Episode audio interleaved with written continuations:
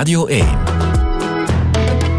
Ontbijt met Michael. Mijn gast vanmorgen is Tom van Grieken, de voorzitter van Vlaams Belang. Radio 1. Ontbijt met Michael. Goedemorgen, dat doen we van, uh, in het omroepcentrum in Antwerpen met plexiglas tussen, uh, ver van elkaar. Meneer Van Grieken, goedemorgen. Goedemorgen. Ja, dit zijn coronamaatregelen natuurlijk, die uh, op alles een impact hebben. En dat hebben we van veel politici hier al gehoord, ook op een politieke partij. Ik neem aan ook op de werking van de uwe. Ja, dat is uh, helemaal anders natuurlijk. Hè, waar ons hoofdkwartier anders volop met ijverige medewerkers. Hij moet helemaal nu van thuis uitwerken, wat toch uh, niet evident is. Ook uh, die politieke debatten in een bijna leeg half rond. Dat is toch niet hetzelfde, in dezelfde sfeer. Maakt het dat moeilijk voor, voor een oppositiepartij? Um, nee, want we doen nog steeds ons werk. Maar wat ik als politicus wel heel hard mis, is het contact met mensen. Uh, de cafés zijn toe, er komt weinig mensen tegen. Het is allemaal meer uh, digitaal. En ik ben een, kind van mijn tijd. En er zal niemand mij verdenken dat ik niet mee ben met mijn tijd, met sociale media en de digitalisering. maar toch, dat persoonlijk contact, mensen die hun verhaal komen doen, ja, dat mis ik toch wel. Ja, het maakt natuurlijk ook... Er zijn heel veel maatregelen genomen. vorige week nog kerst in heel beperkte kring. ja, de, de, essentiële winkels die zijn nog maar net weer open. Ehm, zijn dat eigenlijk maatregelen waar uw partij allemaal achter staat? Of, of is het moeilijk om, om daar tegen te zijn? Wel, uh, ik denk dat mijn partij, en ik ben er toch trots op, een heel verantwoord parcours heeft afgelopen uh, gelopen heeft met deze coronacrisis. We hebben altijd gezegd, we, we stellen geen enkele maatregel in vraag, ook diegene waar we eigenlijk niet mee eens zijn omdat ik denk, volksgezondheid is zeer belangrijk. Maar ik stel toch vast dat uh, sommige maatregelen, we er toch onze ernstige vragen kunnen bij stellen. De horeca moest plots twee weken voor al de rest toe, zonder dat er enig bewijs voor was. Uh, de socialistische minister Van den Broeke uh, deed de winkels toe niet uit gezondheidsoverwegingen, maar voor een schokeffect. Dat is achteraf wel bijgestuurd. En nu zien we bijvoorbeeld dat zo een, een, volk, een beroepscategorie zoals de kappers uh, wij het enige Europese land zijn, het, vaste Euro het Europese vasteland, waar kappers gesloten moeten zijn. En mensen kijken naar de tv en zien dan BV's en, uh, en schermgezichten, wel met een geknipt kapsel, maar zelf mogen ze dat niet. Ik denk dat dat allemaal uh, heel wrang is. zeker omdat volgens mij zo'n beroep best in veilige omstandigheden kan uitgeoefend worden. Dus u zegt die contactberoepen, dat moet kunnen. En ook die andere maatregelen, u hebt hier de horeca vernoemd, die winkels. Eigenlijk waren die maatregelen, we hebben dat wel niet gezegd, maar het was niet nodig. Zegt u dat nu? Ik vind dat de horeca buitensporig is aangepakt maar dat er maatregelen moesten maar genomen worden. Maar vindt u het een goede zaak dat die dicht moet of niet? Ik denk dat het op een bepaald moment moest alles wel toe, of de, de niet-essentiële zaken. Daar kan ik me wel uiteraard in vinden, maar ik denk wel dat we er altijd kritisch moeten naar kijken. En ik keek toe met de horeca, zeer kritisch, waarom alleen de horeca treffen. Uitgerekend de sector die het al heel moeilijk had, een sector die heel hard geïnvesteerd had. Ik denk dat we begrip moeten hebben voor die sectoren als we opnieuw die economie op gang moeten trekken, dat we er extra ja, aan Nu, dat begrip vertaalt zich natuurlijk in compensatiemaatregelen. Ik heb toch het gevoel een beetje, meneer Van Grieken, dat u op, op die twee benen danst. Hè, van, ja, het was nodig en toch zijn we er kritisch over. Ja, het kan niet allebei natuurlijk. Dat maakt maar het, het moeilijk misschien maar over uh, Als de oppositie niet meer kritisch mag zijn, ja, dan moet u de oppositie afschaffen.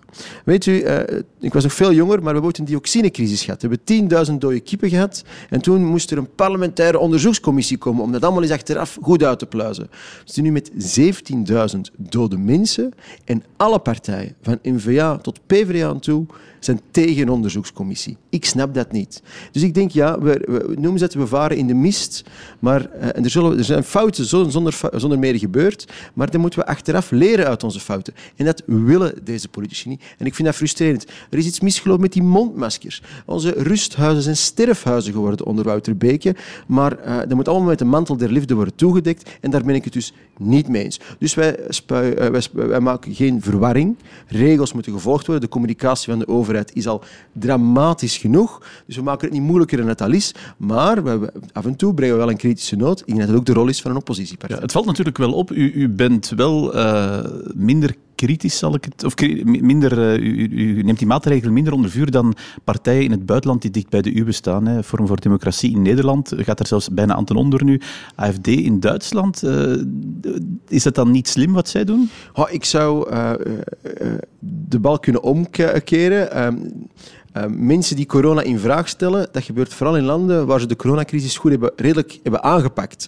Onze regering heeft de coronacrisis zo slecht aangepakt dat bijna iedereen geconfronteerd wordt met een coronageval, dat het bijna onmogelijk is voor nog iemand te vinden die corona ontkent. Dus eigenlijk moet ik deze regering nog dankbaar zijn dat zij de coronacrisis ja, maar zo dat is een beetje vreemd. Zegt u van die, die partijen in het buitenland die dicht bij de uwe staan, dat, dat is toch niet uh, Ik vind het, niet de, de, de juiste strategie om alleen dat te doen. Ik denk dat er een verantwoorde manier is voor oppositie te voeren om kritisch zijn tegenover het beleid.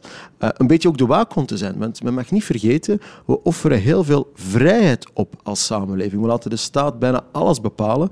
Um, en dat kan soms voor beperkt in de tijd kun je dat samenleving aanvaarden, maar je moet daar kritisch over zijn. Bijvoorbeeld, we hebben uh, bijzondere bevoegdheden gegeven aan de regering van Wilmes, de vorige regering, om de coronacrisis te bestrijden. We hebben een deel van onze parlementaire bevoegdheden afgestaan. Maar de resultaten waren er helemaal niet naar. Dus moeten we achteraf toch zeggen, wat hebben ze eigenlijk met die, met die, uit die bijzondere macht eigenlijk gedaan? Ik denk dat we die vragen moeten kunnen stellen. Dat is die onderzoekscommissie waar u al eh, een paar keer op gealludeerd hebt. Nu, eh, als die coronacrisis zelf eh, beheerst is en dat vaccin geeft daar toch een vooruitzicht op, dan is er natuurlijk de coronafactuur, de, de begroting die in het rood gegaan is, schulden die gemaakt zijn. Hoe wil uw partij dat aanpakken? Wel, ik denk dat er gelukkig geen enkele partij in het land is die zegt dat je uit deze crisis geraakt door geen schulden te maken. Men gaat moeten investeren, men gaat compensatiemaatregelen hebben een kostprijs. Uh, maar uh, wij zijn wel van oordeel dat uh, dit land, België, de structuur als België is, helemaal niet voorbereid was. wanneer het goed gaat met de economie, dan moet een overheid durven zuinig te zijn. Wanneer het slecht gaat, en het zal we gaan een ongeziene economische crisis gaan, dan moet je durven uitgeven. maar natuurlijk moet je ook zien wie die factuur betaalt. Ja, en, en wie, wie moet dat keer... voor u doen? Want dat, dat is natuurlijk dus, wat zich aandient. Ik kan nu al zeggen wie nu al de factuur betaalt. Dat is de motor van onze economie. Dat is Vlaanderen. En daar zijn we het dus absoluut uh, niet mee eens. Bijvoorbeeld, we zien nu, ondanks dat we voor een grote economische crisis staan, dat iedere partij in die federale regering een cadeautje krijgt, een snoepje. Die, eh, die groene eh, fundamentalisten gaan nu de kerncentrales sluiten zonder een plan. Ja. Dat betekent maar ik wil even, dat even bij de factuur houden, als het mag, meneer Van Grieken. De lucht, maar die dingen kosten handenvol geld. Ja. Nu, de Vlaamse begroting uh, gaat ook stevig in het rood. Hè. Als we daar naar kijken, hè, hoe, hoe, zou u dat aanpakken? Want u hebt die ambitie om in Vlaanderen een beleidspartij te worden. Hoe moet die Vlaamse coronafactuur of, of die begroting opnieuw op orde komen? U weet, als er op iets bespaard moet worden, dat er drie grote facturen zijn waar wij heel graag op besparen. U hebt één, de immigratiefactuur die ons handenvol geld kost.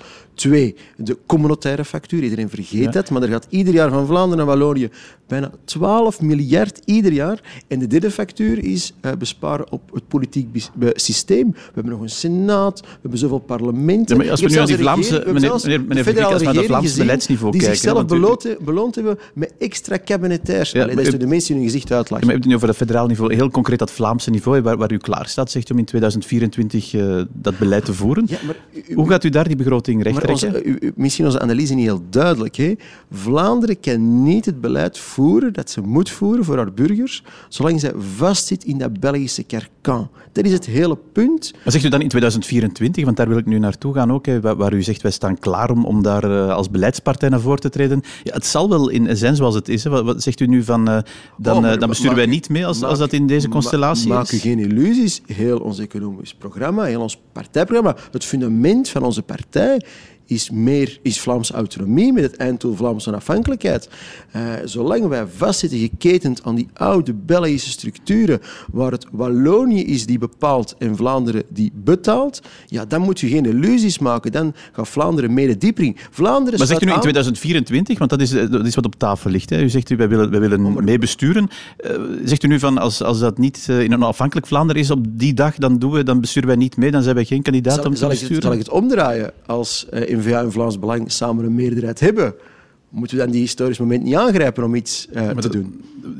Heel concreet, hè, die, die ah, 2024. Ik, ik, 2024, uh, de Vlaamse regering moet druk uitoefenen voor meer Vlaamse autonomie. Dat lijkt me een belangrijke voorwaarde. Ja, maar als dat kan de Vlaamse regering niet alleen natuurlijk. Dus zeg, heel, heel concreet zegt u nu van als, als dat niet gerealiseerd wordt, dan besturen wij zelfs niet, of dan zijn we die kandidaat niet om mee te maar besturen. U bent op de hypothetische vraag op een hypothetische vraag doen. Laten we eerst de kiezer oordelen in 2024. Ja, maar met u die in uw boek onder meer dit jaar ook gezegd hebt, dat is onze ambitie, dat is ons streefdoel in 2024 mee besturen. Uiteraard. En dan zullen we moeten besturen met de kaart die we in ons handen krijgen. En hoe sterker ons mandaat is, hoe meer wij dat beleid naar onze kant kunnen krijgen. En het is vrij eenvoudig. Als je in dit land iets wilt veranderen, dan zal het via onze partij zijn.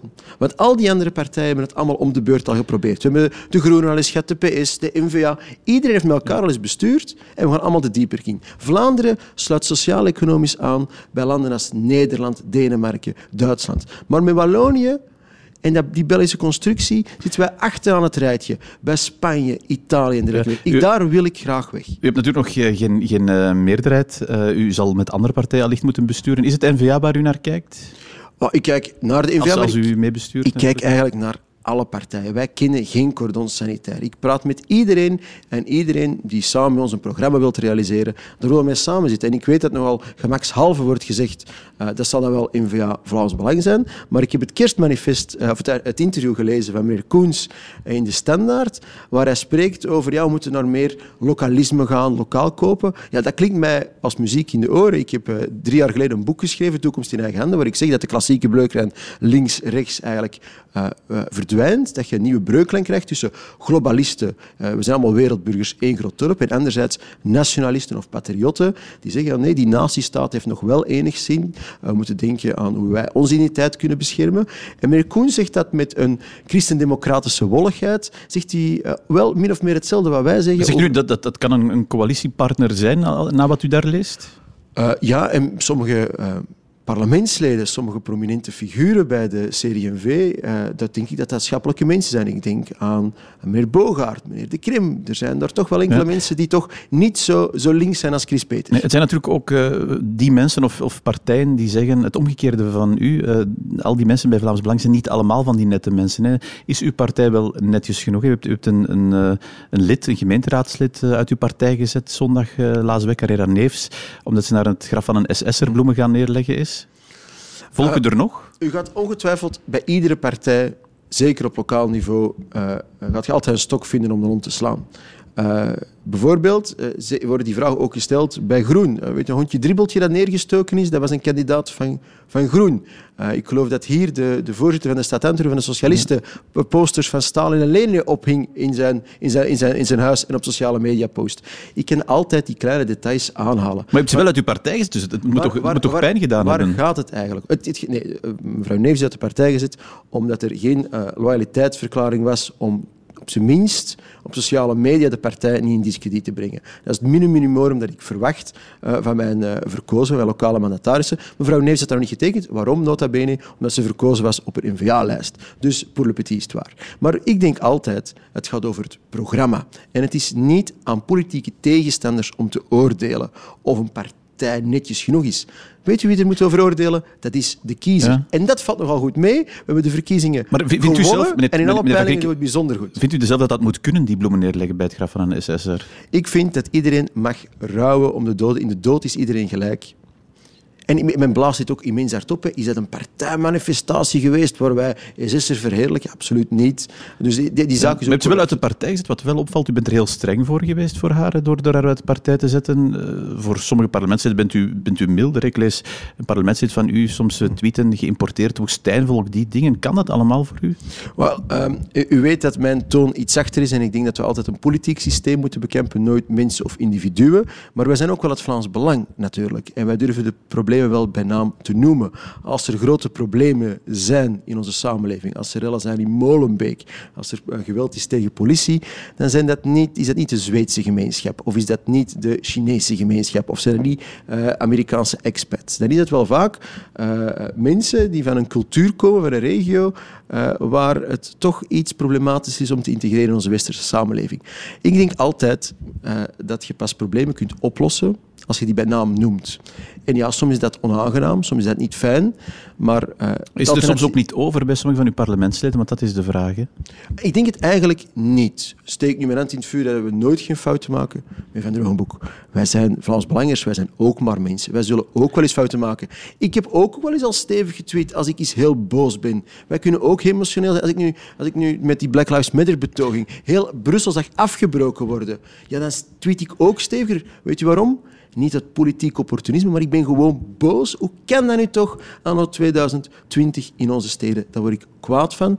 En ja, soms gaan we dan al eens wat steviger, maar, maar dus met, de uitzondering niet gebruiken om daar de regel zo echt van te maken. Tot slot, met, met het blik op 2024, waar u die ambitie zelf gezegd hebt, we willen meebesturen, potentiële coalitiepartners, al die er al zouden zijn, het is dit Vlaams Belang te nemen of te laten, dat zegt u.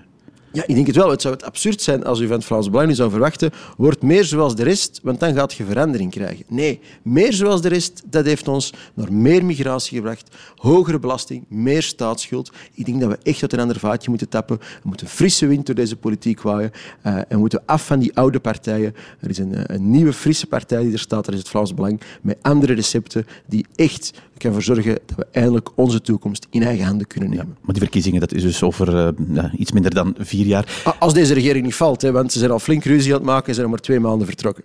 Dat zullen we zien. Meneer Van Grieken, dank wel voor de komst naar het omroepgebouw in Antwerpen. Graag gedaan. Dit was Ontbijt met Michael, een podcast van Radio 1. Ontdek nog meer podcasts van Radio 1 in onze app en op radio1.be. Altijd benieuwd.